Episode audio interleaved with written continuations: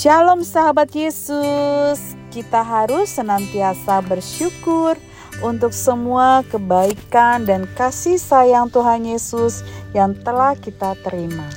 Adik-adik, tidak terasa ya, sebentar lagi kita akan bersuka cita karena sama-sama kita akan memaknai kelahiran Tuhan Yesus.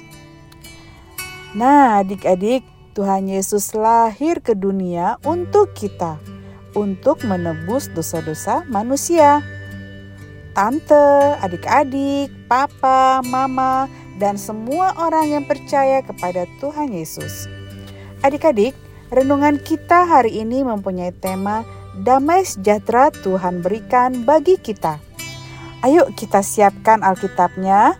Bukalah Yohanes 14 ayat 27 sampai 31. Yohanes 14 ayat 27 sampai 31. Biarkan Alkitabmu tetap terbuka ya adik-adik. Mari kita berdoa adik-adik. Terima kasih Tuhan Yesus yang baik untuk penyertaanmu setiap hari. Terima kasih juga Tuhan untuk cinta kasihmu yang selalu kami rasakan. Tuhan Yesus saat ini kami mau belajar akan firman Tuhan. Ajar kami Tuhan agar dapat mengerti firman-Mu dan mampukan kami agar dapat melakukan firman Tuhan dalam hidup kami. Dalam nama Tuhan Yesus kami berdoa. Amin. Yohanes 14 ayat 27 sampai 31. Damai sejahtera kutinggalkan bagimu. Damai sejahteraku kuberikan kepadamu dan apa yang kuberikan tidak seperti yang diberikan oleh dunia kepadamu. Janganlah gelisah dan gentar hatimu. Kamu telah mendengar bahwa aku telah berkata kepadamu, "Aku pergi, tetapi aku datang kembali kepadamu." Sekiranya kamu mengasihi aku, kamu tentu akan bersuka cita karena aku pergi kepada Bapakku, sebab Bapa lebih besar daripada aku. Dan sekarang juga aku mengatakannya kepadamu sebelum hal itu terjadi, supaya kamu percaya apabila hal itu terjadi. Tidak banyak lagi aku berkata-kata dengan kamu, sebab penguasa dunia ini datang dan ia tidak berkuasa sedikit pun atas diriku. Tetapi supaya dunia tahu bahwa aku mengasihi Bapa dan bahwa aku melakukan segala sesuatu seperti yang diperintahkan Bapa kepadaku.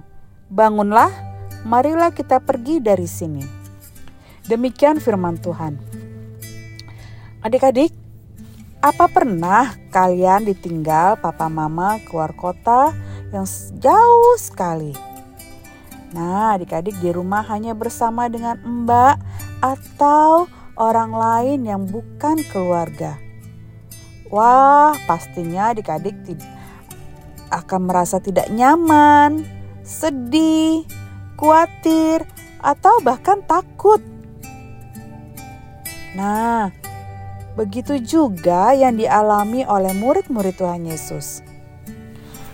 Saat Tuhan Yesus mati di kayu salib, para murid sudah merasa sangat sedih. Mereka tidak tahu apa mereka masih bisa berjumpa lagikah dengan guru mereka, atau mereka akan dibiarkan seorang seorang diri.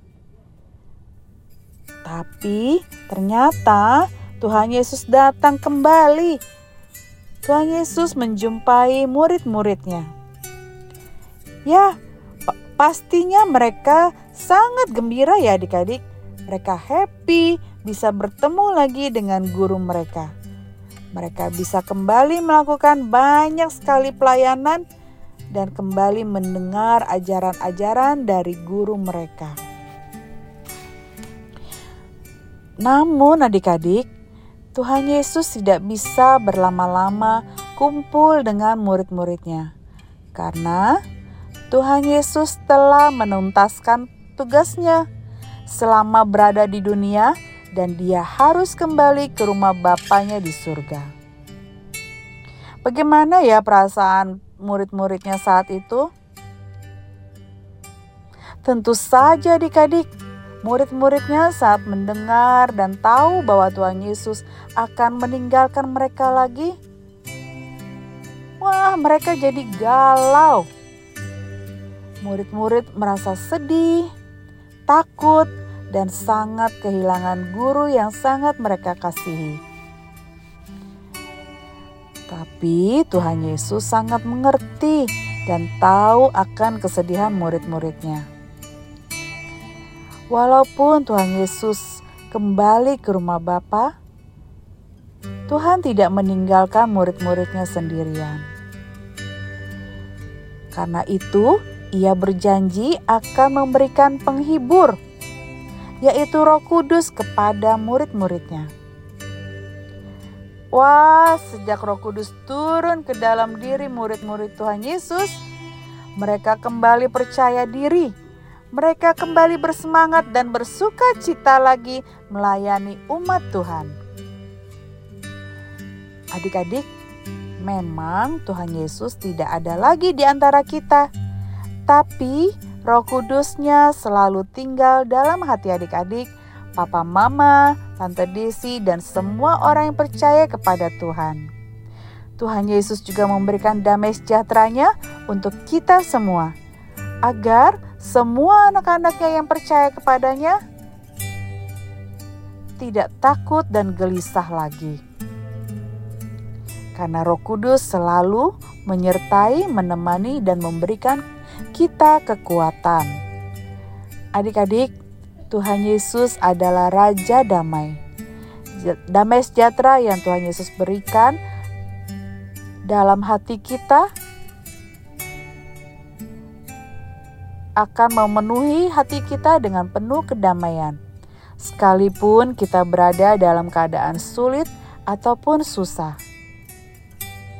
Yes, damai sejahtera Tuhan akan membuat kita semua bisa menjalani kehidupan kita sampai kita menerima kehidupan kekal di rumah Bapa di surga.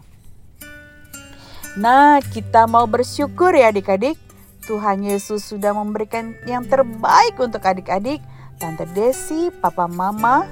Jadi, kita harus hidup taat pada Tuhan Yesus. Dengan membaca firman Tuhan setiap hari, berdoa, dan selalu berbuat baik kepada semua orang. Ayo adik-adik kita mau sama-sama mengucapkan janji komitmen.